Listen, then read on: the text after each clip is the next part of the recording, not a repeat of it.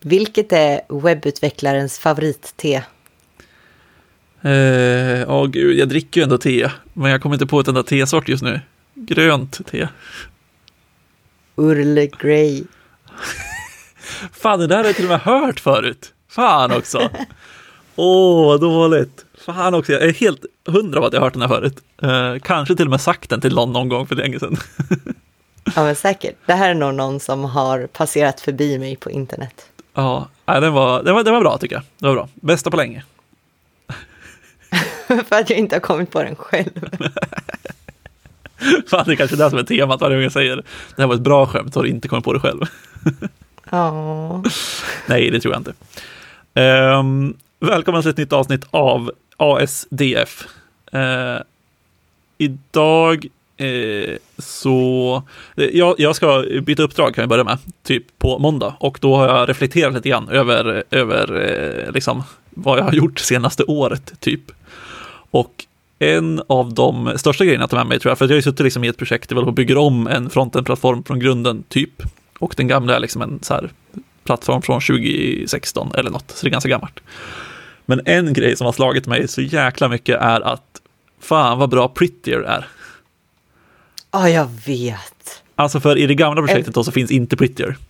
Eh, ah. Och i det nya så finns det. Alltså vet du, det, det är kul för att jag håller inte på att byta uppdrag idag, men jag tänkte precis det häromdagen. Jag hade till och med en liten diskussion i, eh, på jobbet om det, att fy fasen vad Prettier är fantastiskt. Ja, alltså jag minns liksom eh, tillbaka till innan Prettier kom och det var liksom diskussioner om syntax. Alltså, eller liksom inte ja. syntax bara, utan så formatering typ.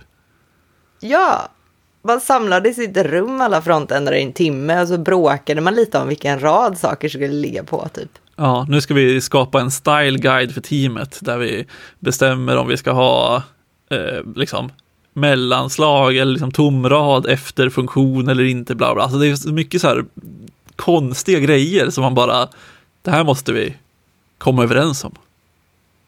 Ja, och sen typ, ja men vi måste eh, eh verkligen typ i code reviews och sånt påpeka när vi inte följer style guide så att det blir små kommentarer och små fixar för att fixa bara utseendemässig syntax. Alltså, och jag var, jag var faktiskt väldigt skeptisk första gången då Prettier skulle dras in i projektet jag satt i. För jag var så här, men det ser ut som skit när Prettier formaterar. Speciellt om man bara har typ 80 tecken per line. Så jag var faktiskt ganska skeptisk. Plus att jag fann ändå någon typ av eh, charm i att sitta och bråka om dubbelförnutt eller enkelförnutt på möten. Men jag är verkligen omvänd där. För att eh, Prettier är så jäkla skönt.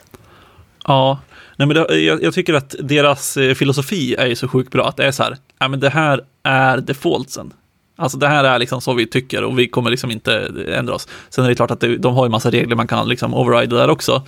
Men det känns ändå som att de flesta som jag känner har liksom sagt att ja men okej, vi kör default. Ja, det var ju det med trailing komma va, men det ändrade de. Ja, precis. Så den, det är väl en grej, för det var väl så här, ja, men sista raden på typ en, en array med saker. Eh, förut så tog de bort trailing komma på den sista raden, men nu läggs den väl på då. Ja, för det kommer jag ihåg för att det var eh, en update. Så jag plötsligt en dag så ändrade jag i varje fil jag var inne i så ändrade jag på saker och det var det att de hade bytt default-inställningen. Ah. Ja, men den, den, ändringen tycker jag ändå är vettig. Eh, I det att ja. alltså så här, det blir bättre till exempel eh, när man eh, eh, liksom kollar skillnader när man har gjort någon ändring. Eh, för att då behöver du inte ändra på den raden som egentligen inte berörs. Så här lägger du på en ny rad i en array så behöver du inte visa i liksom, eh, diffen vad som, att den raden ovanför har ändrats bara för att du har lagt på ett komma egentligen. Nej, alltså jag älskar trailing commas också. Så att eh, behöver inte mig behöver inte övertala så att säga. Nej, men exakt. Och sen tycker jag också liksom att här, det finns ju andra saker som, alltså jag tror att jag brukar ändra så att det inte är 80 i bredd, alltså 80 karaktärer i bredd utan brukar köra lite högre. Eh, mm. Och eh, jag kommer inte ihåg vad deras default nu för tiden är på semikolon. Jag tror det är inga semikolon. Ja, jag, jag känns också som att det är det, för att det, det är det jag föredrar. Och jag, när jag tänker efter så tror jag inte att jag brukar liksom overrida det på nya projekt. För det är ju så sjukt skönt. För där, där var jag liksom, tidigt är kanske överdriva, men hyfsat tidigt ute med att förespråka inga semikolon. Och många bara, man måste ju ha semikolon, vilket gjorde det så jäkla skönt när Prettier bara, nej, vi rekommenderar inga semikolon. Ja, Jag var fan team semikolon alltså. Och jag vet verkligen inte varför. Hatar väl förändring eller något sånt. Ja, men du är, du är lite liksom konventionell av dig, du vill inte ha förändring. Nej, gud. Herregud, vad gör vi här? Varför kodar vi ens ES5? Mm. Nej, men jag tycker inte att med sådana här verktyg som liksom kommer och Alltså jag skulle ändå säga att 99% av alla utvecklare tycker att det är positivt. Ja. Att så här, ja, men det här förbättrar upplevelsen som vi har, alltså eh, Developer Experience eller DX. Eh, att den blir liksom mycket, mycket bättre bara för att vi kör det här lilla verktyget. Ja, alltså för att vissa kan ju dock vara så här att okej, jag tycker det har sina fördelar i ett projekt där det är många personer, men skriver jag egen kod så vill jag absolut inte ha det för att jag vill kanske inte att något ska bestämma över hur jag vill formatera saker och det blir fult och grejer. Eh, och det kan jag ändå förstå. Men för mig har jag blivit så här, jag har blivit så sjukt van vid, och jag är ju ett vanedjur, men att trycka kontroll eller command save och så formateras hela min fil. Ja, och det vill jag ju ha kvar. För att jag vill inte hålla på, alltså fasen vad mycket man har suttit och typ tabbat eller spaceat och, och flyttat fram och tillbaka och grejer. Det tar ju bara tid. Det är helt magiskt att så här, jag vill ha den här koden, det ser ut som skit nu. Jag trycker save och det blir bra. ja. Nej, men verkligen. Alltså, tittar man på, på eh, ett av projekten som jag har med, med Prittery, så är det typ några filer som är ignorade av Prittery, jag vet inte varför. Eh, men varje gång man ska göra något i de filerna, så liksom bara så här, försöker man spara och så händer ingenting. Då tror jag att jag inte har sparat. Alltså jag tror att, liksom spa, att saven har misslyckats för att Prettier inte körs. Så att det blir så jäkla liksom, muskelminne på något sätt, eller liksom så här att det är en sån visuell cue på att ah, nu har det sparat, att den ändrar min fula formatering. Eh, så där brukar det sluta med att typ så här, jag tar den koden jag skrivit, kopierar ut den i en annan fil som inte är ignorad och så sparar jag den där en gång och så kopierar jag in den igen. Så det är perf Gud. perfekt. Jobbigt. Man skulle kunna ta Men den pragmatiska vägen att faktiskt undersöka varför de här filerna är ignorade och kanske lösa det, men det har inte riktigt blivit av. Jag är i och för sig inte någon som eh, gör fiffiga lösningar heller. Jag gör ganska mycket manuella saker. Men eh, just prettier också när, när man ska sätta upp ny miljö och så. Det är alltid... Alltså ska jag trycka in. För nu kör jag VS Code. Mm. Och det har jag gjort i två uppdrag nu. Eh, jag var lite sen på att gå över till VS Code, men det har också blivit så här riktigt skönt. Jag förstår vad alla pratar om. Jag ska sluta vara en så här old man yelling ett cloud, men eh, det, det, så här, varje gång jag ska stoppa in i JSONen att jag vill formatera on save, då har jag av någon ut, outgrundlig anledning fort, fortsatt att göra det per språk. Så det var så här, JavaScript, format on save. Och sen sitter jag bara i TypeScript-filer. Blir skitsur för att ingenting funkar. Och sen så kommer man in i CSS-fil, ingenting funkar. Och så fortsätter det så att tills jag måste skriva upp alla filer. Men man borde ju bara köra format on save på allt. Ja, det tror jag att jag gör faktiskt. Så att, eh, Jag, jag vet inte, det var någon som sa någon gång att det var dåligt att göra så. Jag kommer inte ihåg varför. Nej, det kan ju vara en, en eh, höll på att säga, lyssna fråga. Om ni tycker att det är dåligt att göra och säga formet säger på allt, så eh, berätta gärna varför.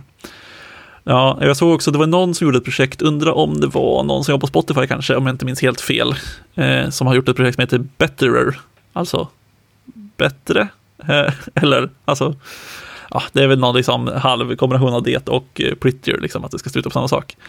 Som är jag har kört i, vad var det här? Jag körde nog i privat projekt tror jag. Eh, det är i alla fall att man kan typ ställa in saker att okej, nu vill vi inte använda det här biblioteket längre.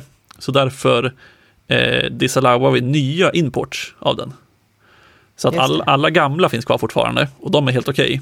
Men lägger du på en ny så kommer du få typ en varning för det eller en linting error liksom.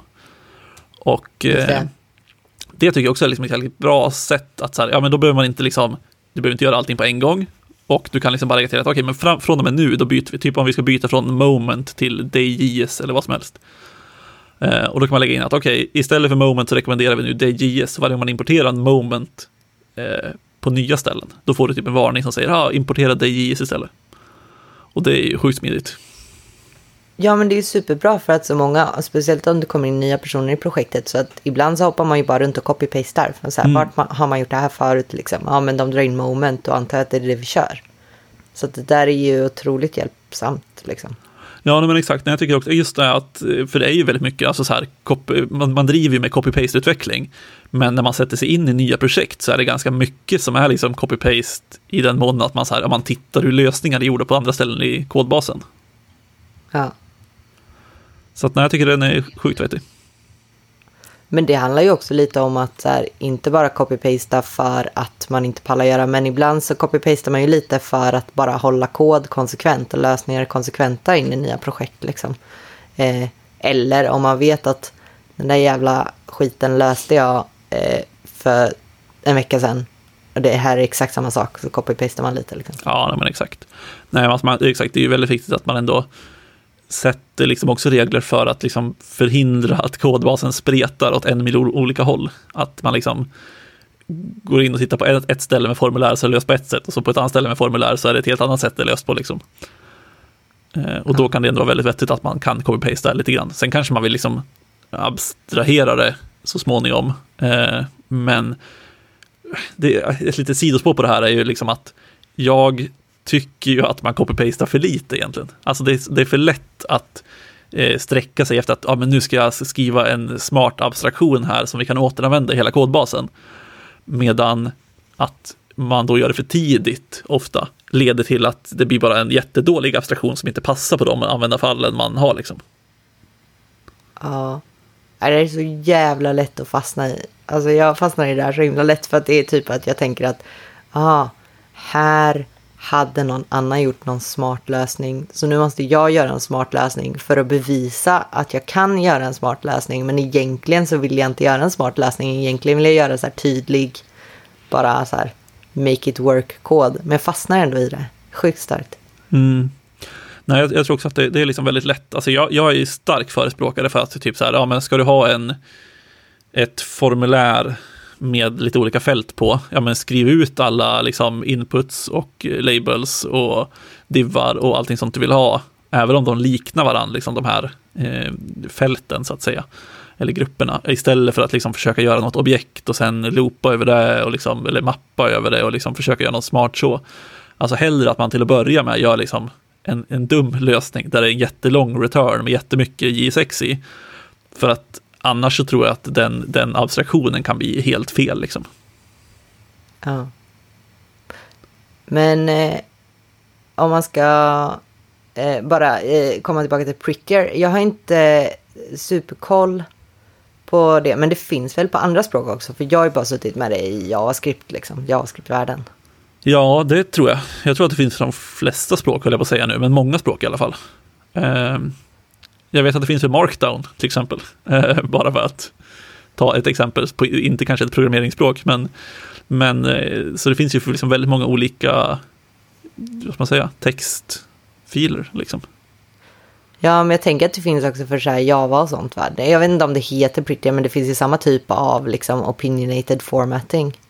Ja, nej, men exakt. Eh, alltså jag vet att alltså, Prettier, in, alltså just Prettier biblioteket vet jag faktiskt inte hur många språk det kör på liksom.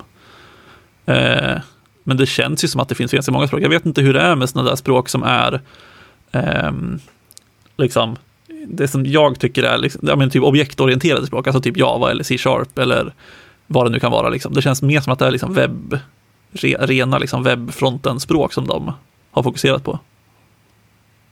Ja. Man kanske inte ska ut och vifta i saker man har noll koll på här. Nej, jag, jag googlade lite snabbt nu faktiskt, bara för att jag kände att vi var inte alls med. Eh, och det är, det är som du säger, alltså det är liksom webbgrejer. Så det är typ JavaScript, J6, Angular, Vue, Flow, TypeScript, CSS, HTML, JSON, GraphQL, Markdown och YAML. Just det. Ja, men jag, jag, tror jag pratade med någon när vi införde det som satt i Java liksom, och, som pratade om att det finns den typen av opinionated formatters i, i Java Eh, och liksom .NET och dem också. Men det är väl inte prettier då. Nej, nej men precis. Undrar om inte, är det Go eller Rust, slänger jag ur mig nu utan att egentligen veta, eh, som har det här inbyggt, liksom, alltså det följer liksom med i språket på något sätt. Eh, jag får för mig att det är Go. Att du kan typ skriva så här Go format och så formaterar den enligt deras opinionated style liksom. Mm. Eh, måste jag säga eh, stort pass. Ja, men jag tycker ändå, jag tycker ändå alltså så här, oavsett vilket språk det är som har det, så tycker jag det är liksom ganska spännande att idén har spridit sig så pass mycket att det liksom byggs in som en, liksom en grundsten i ett språk, eller i liksom ett ramverk kanske då. För det är ju inte själva språket som kör formateringen. Nej, men det är alltså det är intressant hur mycket, när man tänker på hur mycket energi man kan ha lagt på något som egentligen spelar noll roll, som bara är skönt att bli av med egentligen. För att jag har börjat med så här importer i filer. Mm. Jag har ju varit väldigt länge så här, ja men React ska vara överst i en JSX-komponent och sen så typ externa bibliotek ska vara så här, lalala, och så har jag ändrat om ordningen och grejer. Eh, och nu på Mac VS Code så har jag ju bara hittat, eh, vad är det, option shift O. Som tar bort alla unused imports och sorterar dem. Mhm. Så att det blir ju fel. React är ju inte överst och, och det blir så här helt huller om buller. Men jag är så här, fuck it, det är så jäkla skönt att bara kunna trycka på det där, bli av med det jag inte vill ha och sen så är det så. Ja. Jag vinner ju mer på det. ja, men gud, alltså för egentligen så borde man ju kunna typ dölja alla importer. Alltså man, man borde liksom bara kunna kollapsa alla importer och sen inte bry sig om vad det står där.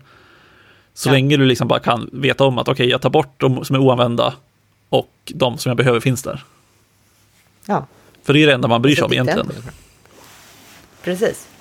Så det känns att jag har lagt alldeles för mycket tid i mitt liv på att ordna importer till ingen nytta mer än mitt egna, eh, min egna hjärnas liksom, eh, belåtenhet.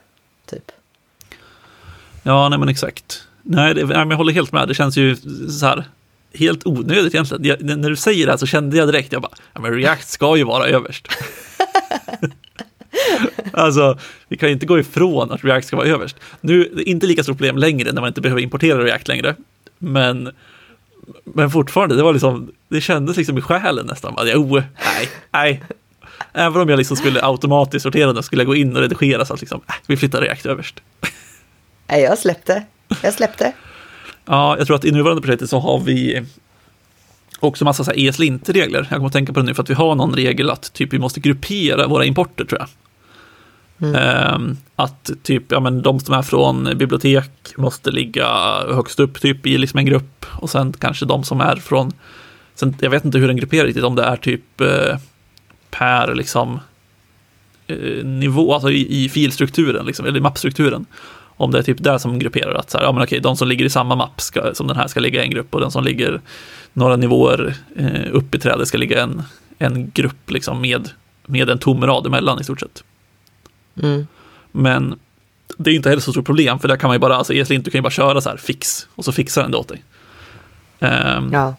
Och det är också liksom väldigt skönt att slippa bry sig om. Ja, sådana regler har jag också varit med och satt upp. Eh, och det är, är det ju liksom. Men det är ändå så här, då måste du fixa det. Ja, absolut, absolut. Det är inte så jobbigt att köra dash dash fix, men det blir på något sätt så här lite jobbigt att man inte får någon överblick på vad som faktiskt kommer fixas. Det är lite läskigare. Ja, nej men så är det Men du kan ju köra, jag tror att jag har något, undrar om det är ett VS Code Extension kanske som gör det, eller om det är inbyggt, att den, du kan liksom fixa i den här filen som du är i. Eh, och att den gör det liksom inline för dig, eh, så att säga, i editorn. Mm, nice. Och det är ju ganska det- skönt. Ja. Men det är lite kul just när man tittar på det här, men som developer experience, liksom vad, hur, hur stor skillnad det ändå kan göra. För att när, om man drar upp ett nytt projekt eller typ ett hobbyprojekt, eller om jag drar upp eh, och sitter i, ja men kanske Atom, eller inte har konfat alla paket som jag vill ha och allt sånt här. Det, man måste ju lägga mycket mer tid på allt möjligt liksom. Bara en sån sak som jag har i VS Code, den här um, Rainbow eh, colorizer-paketet. Eh, jag kommer inte ihåg vad det heter exakt, men det ger, eh, sätter färg på brackets och parenteser så att det är lättare att se vilka som hör ihop. Det är ju också magiskt för att jag, har ju, jag har ju suttit på en felaktig måsvinge både en och annan dag i mitt liv så att säga. Ja, nej, men exakt. Eh. Och Ja. liksom hur allt det här verkligen förbättrar. Alltså det går ju liksom snabbare och jag har ju varit anti sånt här för att jag är ju kanske lite manuell och rädd för att om jag inte får göra allt manuellt så kommer det se ut som att jag inte jobbar för jag kan inte göra något annat än så små uppgifter. Men eh, så är det ju inte. Nej, men exakt. Nej, Jag tycker också det är liksom eh, sjukt ändå vilken impact det kan få. Eh, alltså om vi pratar lite så här ESLIN till exempel. Jag är så jävla för att så fort man springer på någonting som kan automatiseras i ESLint, som man har liksom en diskussion om och säger så här, alltså man kan springa på det i en pull request eller vad som helst, bara, borde vi inte göra så här, borde vi inte göra så här, eller så är det lite diskussion fram och tillbaka.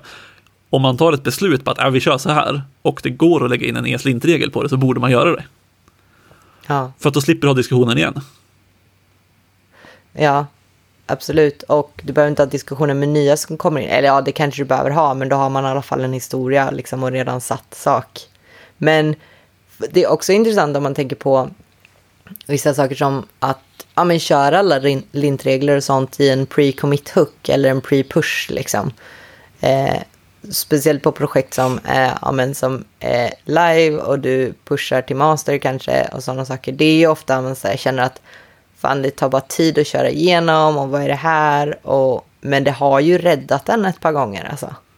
Får Ja. man säga. Jo, definitivt. Alltså så här, vi, vi kör typ alla tester och linting tror jag på commit. Mm. Eh, och visst, alltså det tar ju lite längre tid att committa, men det är inte så att det påverkar mig jättemycket. Man kan ju liksom fortsätta göra annat medans. Eh, det är bara att låta den fortsätta köra. Visst, om man ska, typ, om man ska pusha och skapa en PR så kanske man sitter och väntar på att det där är klart, men det är inte liksom, man slänger ju inte bort hela dagen. Eh, Nej, men det är också så här, gör det någonting och sitta och vänta i en minut extra liksom. Eh, måste dagen vara så pur effektiv att du inte kan eh, låta hjärnan bara glo ut i tomheten. Nu är det inte hjärnan som glor, men eh, ni förstår vad jag menar. Ja, nej, men exakt. Nej, jag håller, jag håller helt med. Eh, sen, sen är det ju alltså så här, så länge det inte hindrar en när det behövs, alltså typ, ja men commit-grejer, vi, jag vet inte om vi kör Husky kanske, eller något sånt där tror jag det heter, och Mm. då kan man ju liksom pass, skicka in en flagga som heter typ så här no verify, eller vad fan det nu är. Eh, Ja, det är det. och så bypassar man Jag det är där. bekant med. Ja, och liksom så länge det finns sådana liksom escape hatches, för att du skulle ju kunna sitta i en stressig situation någon gång och bara shit, det här, allt är paj i prodd, vi måste få ut det här nu. Och då är den här minuten jävligt lång helt plötsligt.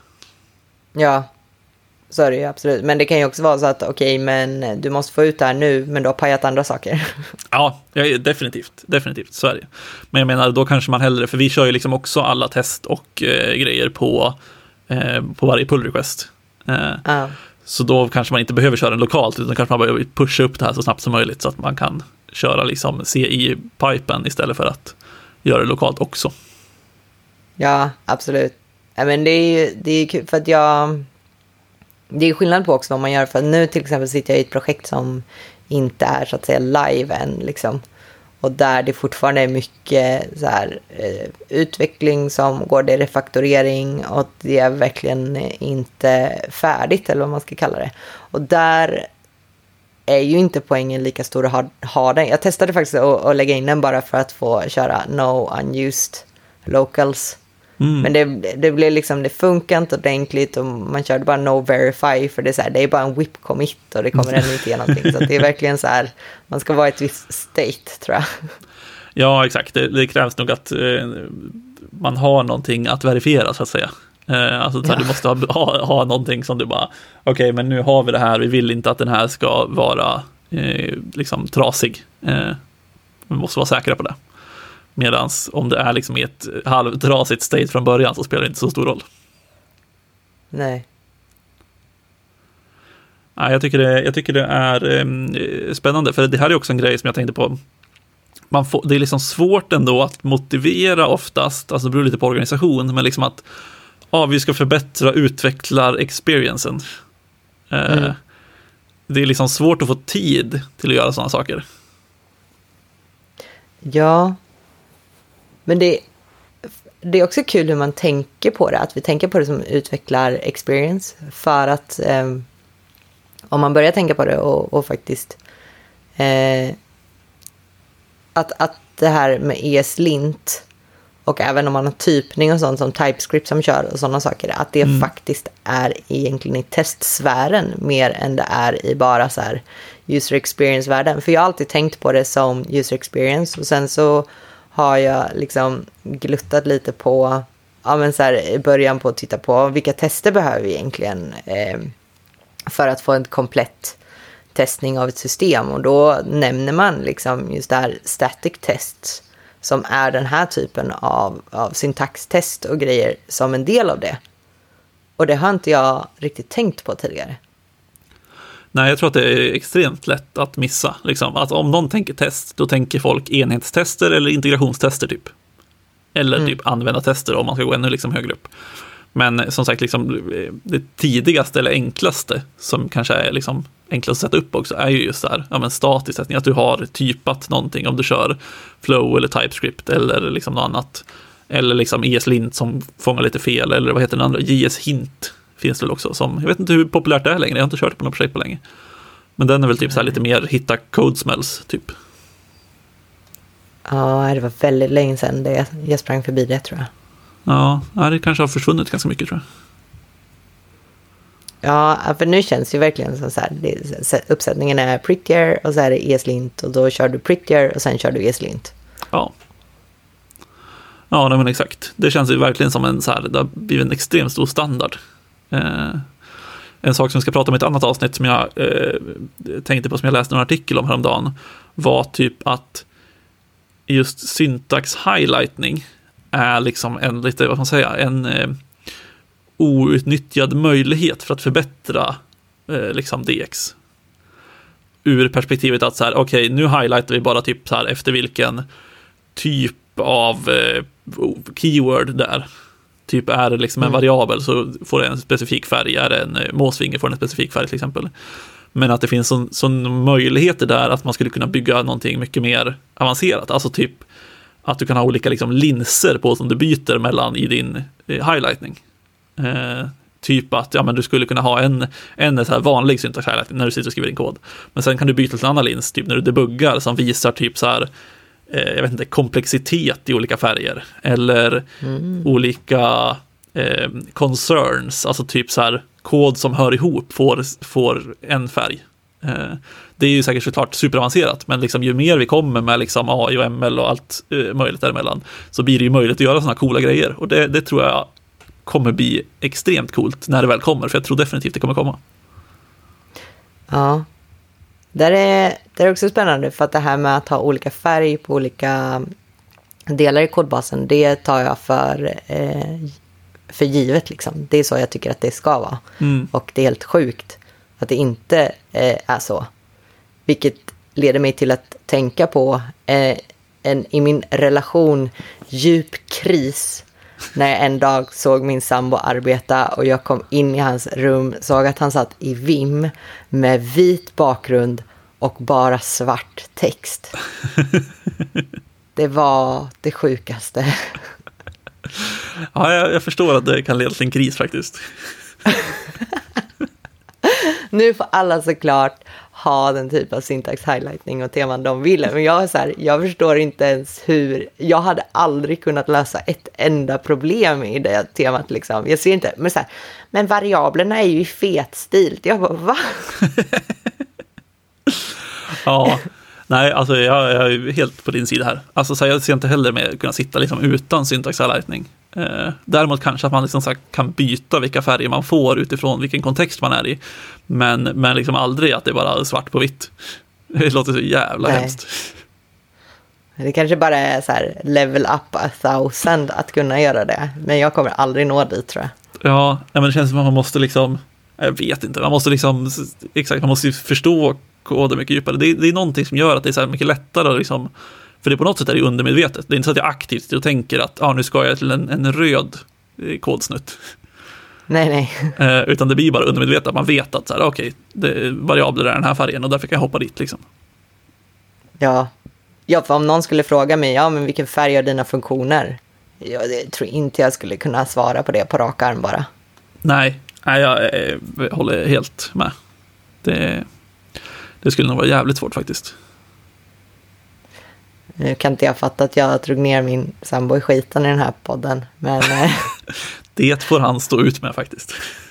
Men jag kan också passa på att han ska få en shout-out för att han har sponsrat podden genom att han gav mig i födelsedagspresent den här mikrofonen som jag kan använda nu faktiskt. Han gav dig någonting i födelsedagspresent och får ändå en shout-out, det är stort. Eller hur? Ja. Men han var tvungen att bli dragen i skiten först. Ja, exakt. Så att det, det går jämnt ut. Ja. ja. Eh, men med det så kanske vi ska runda av, så att säga. Ja, det kanske är dags. Ehm, det gick jäkligt snabbt den här gången. Jag tror att det finns mycket mer att säga om eh, allt det här, men vi återkommer väl dit i ett framtida avsnitt helt enkelt. Ja. Eh, men ja, som vanligt, vi finns på Twitter berättar om det är någonting. Ge en recension i iTunes. Hör av er om det finns skämt eller ni vill rätta oss eller tipsa oss om någonting. Eh, och annars så hörs vi i nästa avsnitt. Det gör vi. Hej då. Bye, bye. Thank you.